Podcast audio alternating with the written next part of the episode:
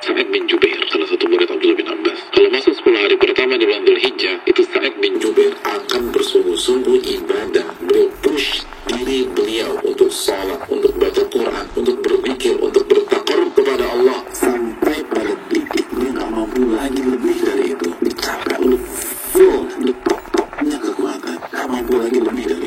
Makanya beliau juga menyampaikan la tutfi'u sirajakum layalil asyar. Kalian jangan matikan lampu kalian di 10 malam pertama di bulan Dzulhijjah. Maksudnya apa? Nonton bola? Eh bukan lah. Jangan matikan lampu, maksudnya isi dengan ibadah. Hidupkan malam sebagaimana kita hidupkan di 10 malam terakhir Ramadan. Memang tidak ada Lailatul Qadar, tapi malam-malam ini malam-malam luar biasa, layak untuk dihidupkan dengan begadang. Lalu kita tidur beberapa saat tentu saja. Tapi artinya berusaha, berusaha, berusaha.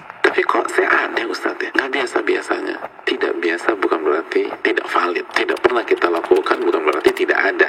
Kaidah para ulama, adamul ilmi bisyir la yastalzim al ilma bil adam. Ketidaktahuan kita terhadap sesuatu bukan berarti sesuatu itu nggak ada. Ada, tapi kita belum tahu aja. Nah ketika kita sudah tahu, bismillah, hidup